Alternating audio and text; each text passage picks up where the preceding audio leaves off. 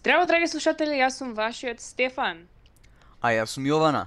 He's bad and I'm just a bitch. Слушате Врел Компот и денешната тема е Скопје. Не заборавајте епизодова да ја слушате ексклузивно со слушалки и затворена врата. Денес имаме специјален гостин кој што ни доаѓа дури од Малта и се вика Тара. Здраво Тара. Здраво! Здраво, уу, welcome. Дали Како имаш се дали сакаш да се представиш со неколку реченици? Um, вака, јас сум прво Таран, демек Бестина Стефан. Uh, пред Јована, да се да се знае. no tea, no shade, да сакам Јована. Не, добро е, подолго го трпи Стефан од мене, we have to give her respect за ова. Еј, слушај, Да, имаш еден 15 период као, еј, 15, ама имаш еден период кој што две и пол години не сме зборале. Ти тоа да видиш, еј. Добро, тогаш тогаш бевме, тогаш бевме на heartbreak затоа што само што раскинавме јас и Стефан. Ама тоа е приказна за некои awkward stories part 2, ама ќе видиме. Да. Awkward story со special guest. Кажете ни дали а, правим, пробуваме да го правиме подкастов многу поинтерактивен со вас, пошто сакаме да го да ги слушаме и вашите мислења. Така да како прво прашање бе, а, дали би сакале да видите а, Awkward Stories Part 2 епизода, а, овој пат нормално, и со некои гости кои што би сакали исто така да ни споделат некои приказни. Исто така голема благодарност за сите нови слушатели што сте тука дојдени и за огромната поддршка која што добивме. А, фала на сите, се надевам дека ќе продолжиме да ви бидеме интересни да не слушате. И... Да, подкастов конечно е мейнстрим и се надеваме што повеќе слушатели ќе собереме и се надеваме дека ќе слушате и дека ќе се релаксирате и ќе се смеете со нас. М, Да. Станувате famous полека полека. Сега спонзорите ќе почнат. Прв звук и фаци. Пам!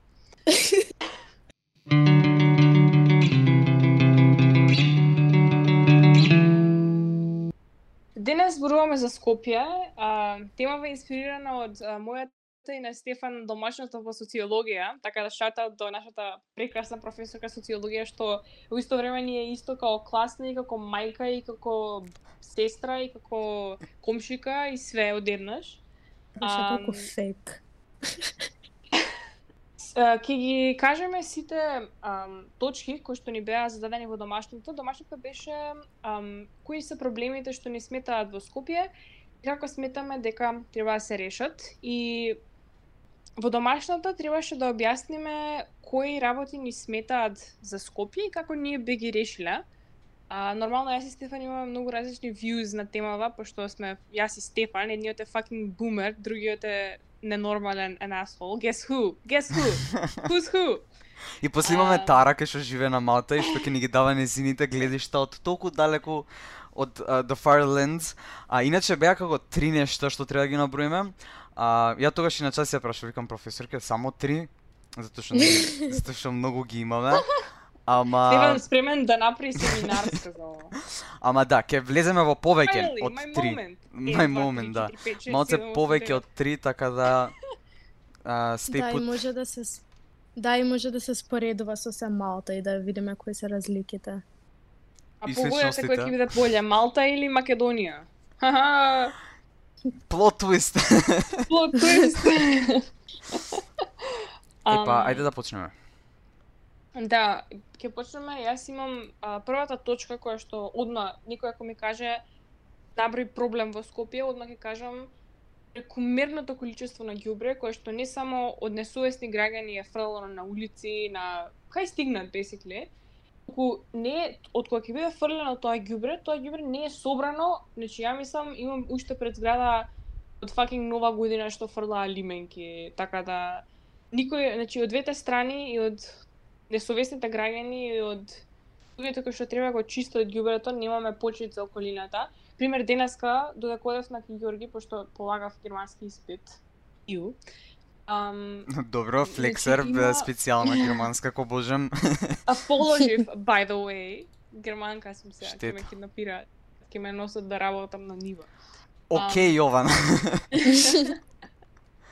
Ам, идевме во партизанска и ги знаете оние што се као ам, шахти за као ако има многу вода да може да се нели, да не се поплави улицата. Да, да, да, Well, канализација. некој решил дека е добро да напека да напека кеси во тоа, така да next time кога ќе врне, ha, have fun партизанска people пливаат по улицата. Why? Пошто некој Така е тука дека е добра идеја да напека кеси од тинек со тоа, пошто I don't fucking know, немал попаметно да прави нешто. What the fuck? Да додадам јас за ова. Тука на Малта нема такви шахти и водата или се прави у голем пул на вода кај што коли мора да поминуваат внатре и да се бањаме. Или цела вода ќе отиде на некоја куќа или ќе влезе кај некој у двор затоа што се е у горници и у долници и нема едно место на Малта што е рамно ја што знам. Така да се или иде кај некого или се бањаме у вода. Тоа е како не е тој што го дизајнирал градот дука е I mean, не врнеше толку многу годинава, валјда нема више толку многу да врне. Да бидам искрена, никој не, не верувам дека го има дизајнирано ова, затоа што на сите Малта им било само ко ќе седиме е ко само 4 месеци за да се собереме храна и е, да се спремиме за војната и ќе си идеме, така да на никој не им бил градов као држава, земјава на Малта кој еј ќе правиме тука место за живење, ова, она. Мгм. Oh, И- how the tables have turned. И плюс Малта била ко под водство на а, Англија, Турција, толку многу држави и земји, што е многу смешно и греота за малтежаните, затоа што одсегде се. Што не е греота, ама кој? Ама Брат, ја мислам у Малта има поише македонци него што има Малтежани. македонци у Македонија.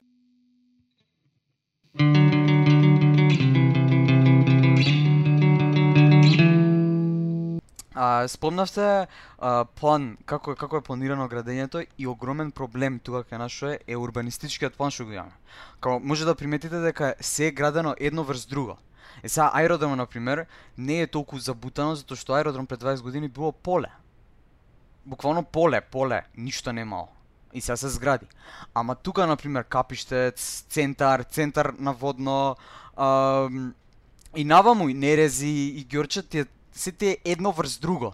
И многу е збутано и нема воздух и си у прозорец со комшијата, не може да се пресоблечеш. И тоа е Таков проблем. е. проблем имаш тука на Малта. Буквално имаш повеќе поле од него место, мислам, имаш повеќе место за градење, ама се ти е спикано на едно место. На Мгм. мојава улица има куќи што се залепени, што немаш место да дишеш буквално са бале кога Да, ќе да. станеш. И улиците се толку малечки, на главна улица не можат два автобуса да се поминат, затоа што се толку мали и затоа што е се направено толку збутано едно до друго на главна улица. Да не зборам за улициве малечки кај што Никола не може да помине, а не па ни, ни точак. Да, да. Катастрофа, тоа е огромен Исто, проблем. значи, кај нас е нема, значи ни цела Македонија е така, кај нас има рачуните на а, од аеродром до Мичурин имаше улица што ги поврзува за за негде по главен булевар. Имаше како улица што сечеше меѓу и порано беа само куки и така ливади беа. Тоа е рачунете максимум 2 км, 3 км да е улицата. Сега има 30 згради таму и значи ти можеш да излезеш на тераси, комшијата кој излезе комотно може да пукне да си направите или карше да играте на терасата. муаве да си направиш, да. Ама не, Така. знаеш што не разбирам јас? Како ако го видиш Скопје, Грејтер Скопје, целиот регион, ќе видиш тука колку е збутано центар, Карпош, Киселовод и Киселовод е збутано. Сега таму колку згради што се прават. Да, да. И сега ќе видиш на кај куќиште, на кај Бродец, на кај Радишани, полиња. Полиња, полиња, значи бук Така нема ништо. нема ништо. Не е дека се слушај чајер има, има бутел, радишани, ама околу тие што се селат и што се нема полиња се, значи не знам како ти опишам, трева полиња. Тоа, тоа Таму знаеш ли колку потенцијал има. Сега со толку многу луѓе Па што доаѓаат провинцијалци од села, што доаѓаат од други провинции, од кои што доаѓаат, немаат услови за живот и не можеш да им кажеш на луѓето да не дојдат затоа што таму у другиве градови, градови не не се ни живее толку многу. Сега да бидеме реални. Да бидеме Тоа реални, исто. можеш да ги викаш градови, затоа што тука населби викаат градови на цела Малта, Добре, затоа што не е споредливо. Малта е голема колку Скопје. Значи не е споредливо помала. Значи, тоа тоа ми е тој мене една од точка од домашната аспекта. дека Скопје е пренаселено. Значи нема и тоа се докажува заради тоа што значи никогаш немало волку гужви во Скопје, никогаш не било волку загадено во Скопје, значи нема Да, да, место. да. Значи тоа пишува дека сме ние По 500.000. школите. Значи, Вика дека сме по школите, 500.000, нема место ама- по болниците. Зашто нема место по болници? Пошто сите живеат во Скопје, а таму Добра, други ве- со коронава има, слушай, сега со коронава нема место. Па да, Претходно ама имаше. Па што се? ама зашто по- секад се гужви сегдака? Пошто сите се собрани и тоа е, ама тоа не е проблем нивен. Тоа е проблем на државата што не инвестира во другите градови. Значи се инвестира најмногу во Скопје и еве тук таму во Охрид. И луѓето искрено вајда од револт заради тоа што немаат, значи до пред некоја Не година од немаат револт бе, немаат каде да работат, немаат толку Немаат, немаат. шанси и немаат opportunities А и и не плюс што сите сакаат да бидат менаџери, сите сакаат шефови да бидат, сите доктори сакаат да бидат. А тоа тоа е нивен проблем, ама тоа дека стварно нема толку opportunities во помаливе градови, Нема, тоа нема. Така е и не можеш да им кажеш да не доаѓаат затоа што ти да беше таму ќе дојдеше. Ја на пример дефинитивно Да, да, не би да, останал затоа- во Велес. Као Чекај маце. Добро, да, затоа викам дека е проблем на државата, пошто државата е таа што треба да инвестира во инфраструктурата и во урбанистичкиот план на градот. А само не у Скопје брат толку, значи половат парите што беа за Скопје 2014 проектот, можеше да бидат, еве, да се направат поубави школи во, во поруралните места, да се направи мол. Нема, значи луѓето немаат, тоа е тажно, треба да дојдеш у Скопје, кога ќе дојдат у Скопје како да идат на на одмор. Па не треба да е така ко, ко две држави у една да се. Едни ве живеат у Да, Кал, да. немаат улици, ние тука имаме облакодери градот. А и добра, Добро, сега ама не сме ни ние за фалење, не сме кој знае Не, што. не, не, не, не, слушај, боле ем, школите што се таму се многу боле од овде затоа што имаме тука една школа што е направена од ментална болница.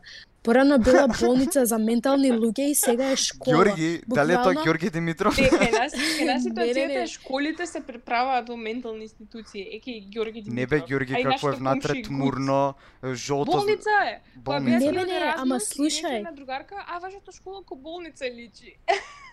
И плюс за болници, чим почнавме да збориме, Um, мајка ми од јануари пробува да до, да направи ко appointment за да иде и направија appointment у јуни. А она побара appointment у јануари. Тоа се колку 10 месеци?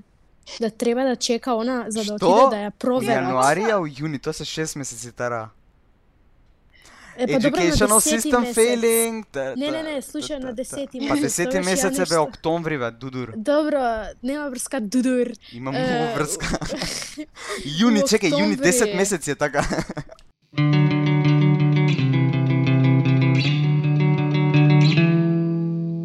И нешто директно што не удира од ово урбанистичкиот план и градење во едно врз друго е ерфолот низ градот и загадувањето за на време на зимата.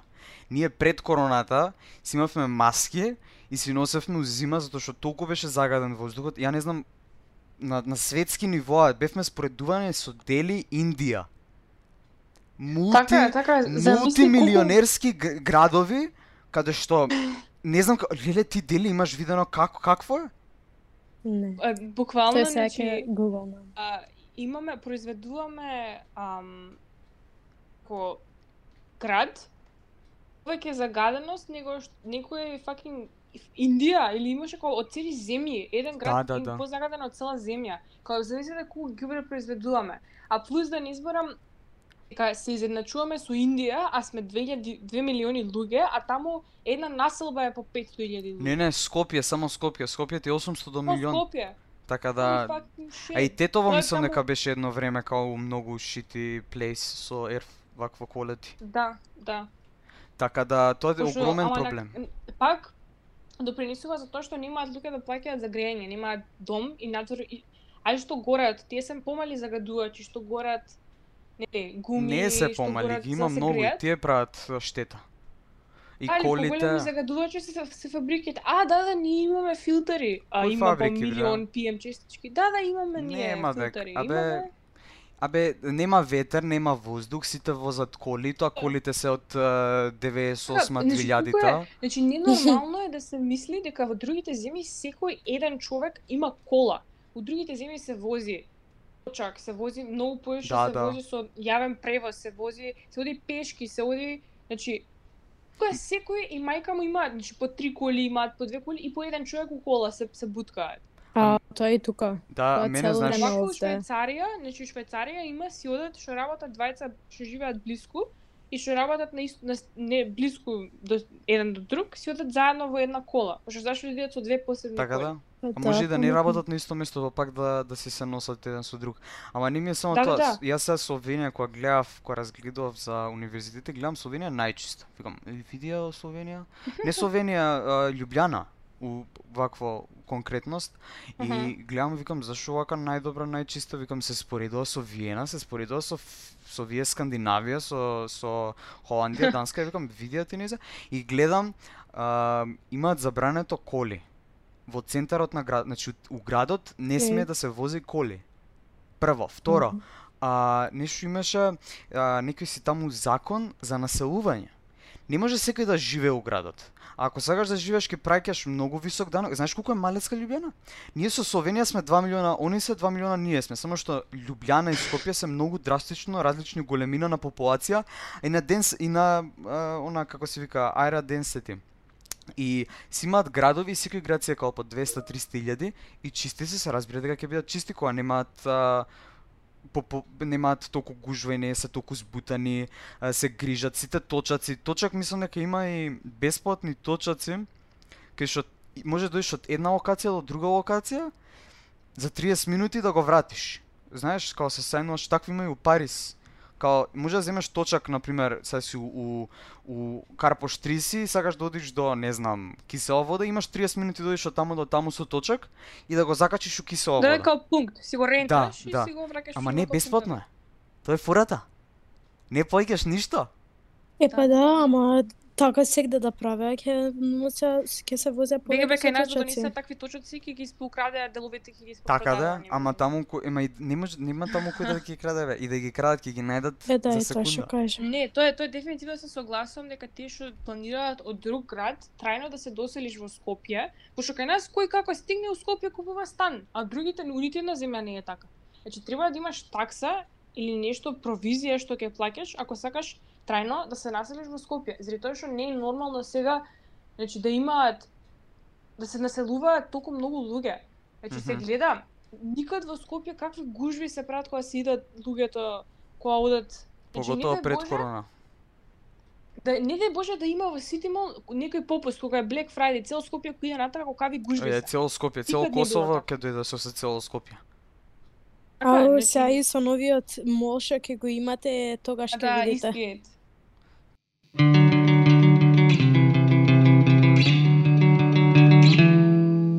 Друг проблем кој што многу смета, во, мене особено ми смета во Скопје, се кучињата скитници. Значи, во аеродром има толку многу кучиња скитници, се собираат како стада кучиња, значи тоа е по 20-30 кучиња ќе ги гледаш како се шетаат низ цела населба.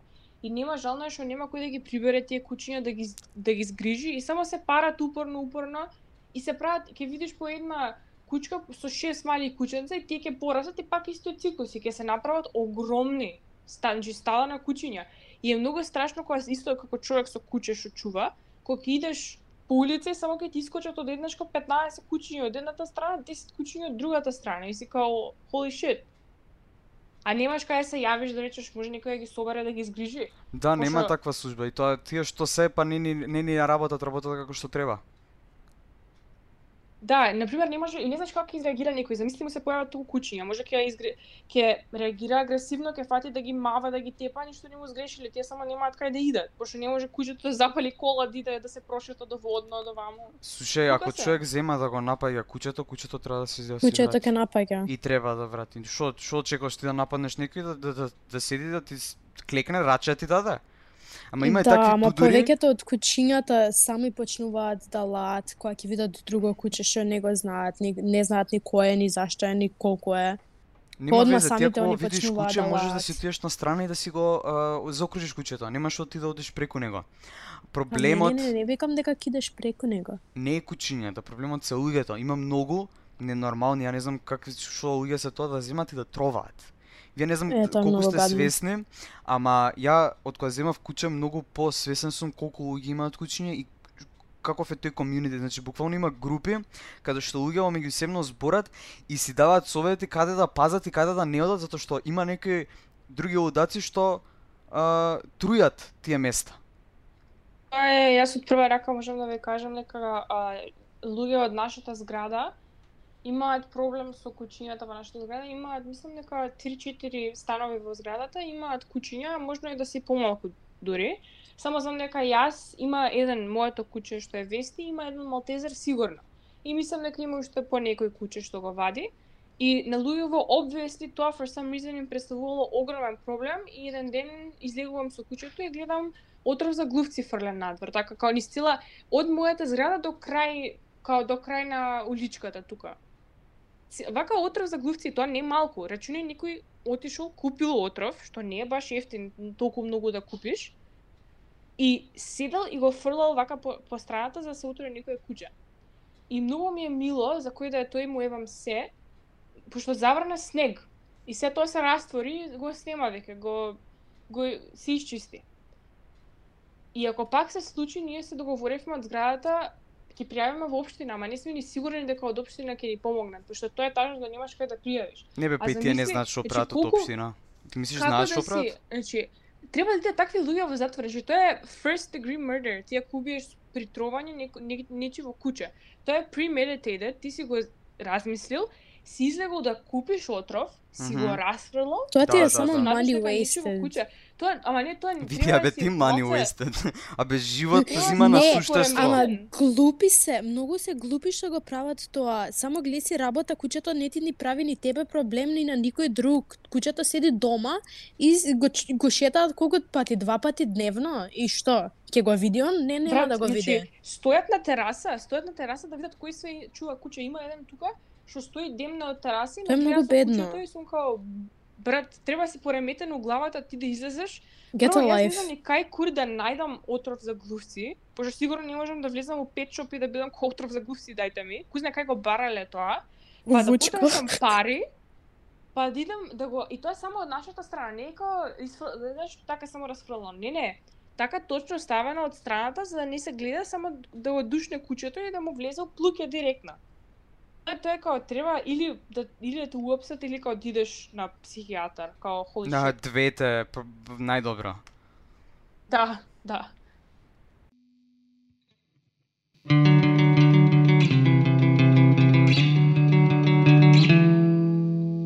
Уште нешто да додадам е како Стефан цело време мене ми се жали за ситуацијата за корона и како луѓето не им е гајле ни не се грижат за нивното здравје и за здравјето на другите луѓе. И само се ignorant и неќат Да, да, да, да, седат да, да. дома. Цело време, цело време ти зборам. Да, не, не само кон короната, кон се се ignorant, као нема нема нема за било која тема што е така малку помодерна или еве да речем малку по така како табу да речем у Македонија. А апсолутно ако не е по нивно, а, тоа е грешно, тоа Да, е да, против да. Господ, Зборевме е за против феминизам претходната епизода, сите што немате слушнато, слушнете ја. Self. Да, ако брат, ако немаш ако немаш слушнато епизодата за феминизам, само ќе предпоставам дека си мисоџинист. Да, тоа ни е една од најдобрите до сега, така да препорачуваме. Да, дефинитивно. Еве и Тара како фан, Тара, дали препорачуваш? Ја препорачувам нормално, ја секоја секоја епизода ја ставам на стори и правам промо промо biggest и fan, biggest fan, да. Најголем фан. fan. Мислам дека бев прва што слушав, ако не се лажам, што Да, ви ги да, да. слушав, што ја слушав првата епизода. И од тогаш I fell in love. Да се вратиме сега на, на тоа што го спомна игноренсот. Стварно вистински е Јована како што кажа, не само со короната, туку и со други а, теми кои што се ете така полиберални, по кои што се попрогресивни и мислам дека сите треба да земат и малце да се едуцираат. Дефинитивно, ама тоа е многу тешко да им го кажеш на скопени, пошто не, они се најпаметни, најдобро знаат од сите, они се... се- што Не мислам? знам што мислат дека се. Ја мислам дека нашава генерација ќе бидат по-малку open за да добијат други критицизам и кога да почнат да слушаат луѓе што имаат да кажат, ама на пример родителите наши и ем, старите ко бабите и дедовците, тоа нема шанси да им смениш мислење. Само многу, многу, многу мал процент од нив, што не ми ни се верува дека е многу мал процент, ама би разбрале и би те послушале што сакаш да кажеш. Да се сконцентрираме Имаше на менталното здравје, така? Да се ајде генерација се согласувате со мене? Па добро. А, не, Немој така па добро да ми кажеш. Тоа многу тажно беше. Па пред ментал health е уште табу тема кај нас. Да, тоа ма тоа ти вика Тара. на психијатар или на Да земе нашава Па да, да, генерација, да затоа- земе моца да даде повеќе фокус на тоа што ние ќе го кажеме да бидеме ислушане и децата и возрастните да да, да бидеме А, тоа е, да, свесни. тоа е, мислам дека е нормализирано, дека ако си помал автоматски си for some reason irrelevant. Да, да, да, ти тоа немаш така. стресови, тебе ти е А, лесно. значи, баби will say, а ти си мал ништо не знаеш за светот, and then repost на Facebook, а иднината е во младите. Girl, Знаеш your mind. ваквото? Што е многу голем проблем е, например, ако дете има depression или anxiety или било каков struggle, um, твоите прво нешто што ќе кажат е а па ти не не довол, не спиеш доволно, цело време си на телефон. Или, а Треба не малце знаеш да ти што е почнеш да стрес ис... уште? Да, уште не знаеш што е стрес, искочи малце, може ќе видиш како е надвор, ова она. И мислат дека прават нешто со тоа. Мислат дека прават нешто со тоа. Тоа е најтажното. Као мислат, еј, направив нешто тоа кога го кажав. Деца имаат многу голем стрес моментално и што се на онлайн школа и што повеќето од нив не искачаат многу многу иако многу идат по кафичи, по кафани, не не they don't follow COVID COVID rules. Така да и да им пробаш да им кажеш нема да оваква имам другарка што отиде у Дубај буквално пред два дена така да ги заболе нив имаат пари ке Girl living her best life, онака, ако, Буквално. ако треба на респиратор, има пари за респиратор. Да, има. Онака не им е гале, а, многу- ако умрам, ќе умрам барем у Дубај. Така, брат, ама кај нас, ај само вакво, fucking медицинските лица одбиваат да се вакцинираат. What the fuck? Замисли ти како медицинско лице, што работиш во прв ред со короната, кога ќе стигнат фак, finally онака вакцини од негде како изненад, тешко, а, па не, ја не да се вакцинирам. And for what? For what? Знаеш што ќе се деси тука многу сега? Um, 100% у некој период у следнава година ќе ги направат вакцините да бидат морални. И ќе видиш пола македонци, срби, балканци ќе се вратат назад, ќе ќе си идат од Малта затоа што ќе бидат толку ignorant и ќе кажат а јас нема да ја земам вакцината и ќе се вратам у Македонија. И што и за може у Македонија за три години, нема сега одма, ама за три години и таму ќе мора да биде вакцина. Ќе мора да ја примиш. Или вака или така ќе мора да ја примиш вакцината. Нема не. Тоа е многу, ја не знам од кај, мислам дека од толку што ни е американизирана медијата што примаме. Значи во Македонија до пред некоја година јас мислам дека немаше или немаше во толку голем број за да излезат на протест антиваксери. Значи ви текнува кога беше уште на почетокот со корона кои излегоа а, антиваксери, антикоронисти, као беа кои не лажат глупости. Рекоа дека тоа- ракија ќе ти помогне со корона. Дајте молам. Да, да, мачкај се со лук, со кал, со Макдоналдс, пи кантарион и нема ништо да ти биде. Да. Значи, многу како Да, да. како луѓе тоа онака го следат како да да јас треба да се мачкам со кантарион пошто имам рак за да ми помине, ама вакцината за ковид не ја примам. Да, или ки... Леле, леле, леле, that work? леле. А она, ој вакцина измислија за 12 месеци, а вакцина за рак немаат измислено 120 години. Да, македонци викаат дека ставаат uh, fucking chips у вакцините. Не само македонци. Многу луѓе имам слушнато дека имаат кажано, а ставаат чип у вакцината за да може да ме следат кај си. Кој кој го ебе ти кај си? Даде плюс те као да немаш не- не GPS тракер у телефонот и не може у иста секунда да види кај си со кој си што Буквално. преш. Ама нема везе, телефонот е окей. Ама чипови има вакцината. Абе, дај оди отидете се, прочитете книга, прочитете артикол. Е, веќе, тоа ти се се проста маса. Мене многу ме нервира да не беше до простата маса. Знаеш колку беше ситуацијата средана? Нов Зеланд немаат корона година дена, не затоа што нешто е специјално или затоа што државата тоа што им кажа народот го правеше. И еве ги маска немаат со месеци носено. Немаат случај добиено, немаат човек умрено. Буквално рейв имаше пред некој некоја Секат имаат концерти, као нормален живот си живеат. Ама зашто? Затоа што Добро, ама и кај нив од тие што се на власт, знаат што прават кај нас. Брат ти вика Филип че седи дома и после искача видео од него ресторан. И после Има женски председател. Така да тоа кажува многу, да. Не, тоа е не знам, гениалец, толку е involved во народот, со народот, за народот. И се си дава и не знам да. треба да. Буквално as she should. Тоа е поентата на being председател. Да, да. Као, да. што друго ќе правиш? Ќе си гледаш као ќе си гледаш за твојот гз како ќе ти е боле и после што другите да ги оставиш? Не. Така, имаме многу проблеми со нашето Скопје, со нашата држава и не можеме тоа да го ставиме во еден подкаст или во една серија или во едно било што. Така да фала ви на сите што слушавте, се надеваме дека ви се допадна. А, сакаме и. А, ако имате некои идеи, некои предлози, некои критики, да ни пишете на мене на Јована, ќе бидат uh, greatly appreciated. Јована Или Тара. или Тара. uh, thank you so much for listening. And don't forget, live, laugh, love. Until next time, stay sexy.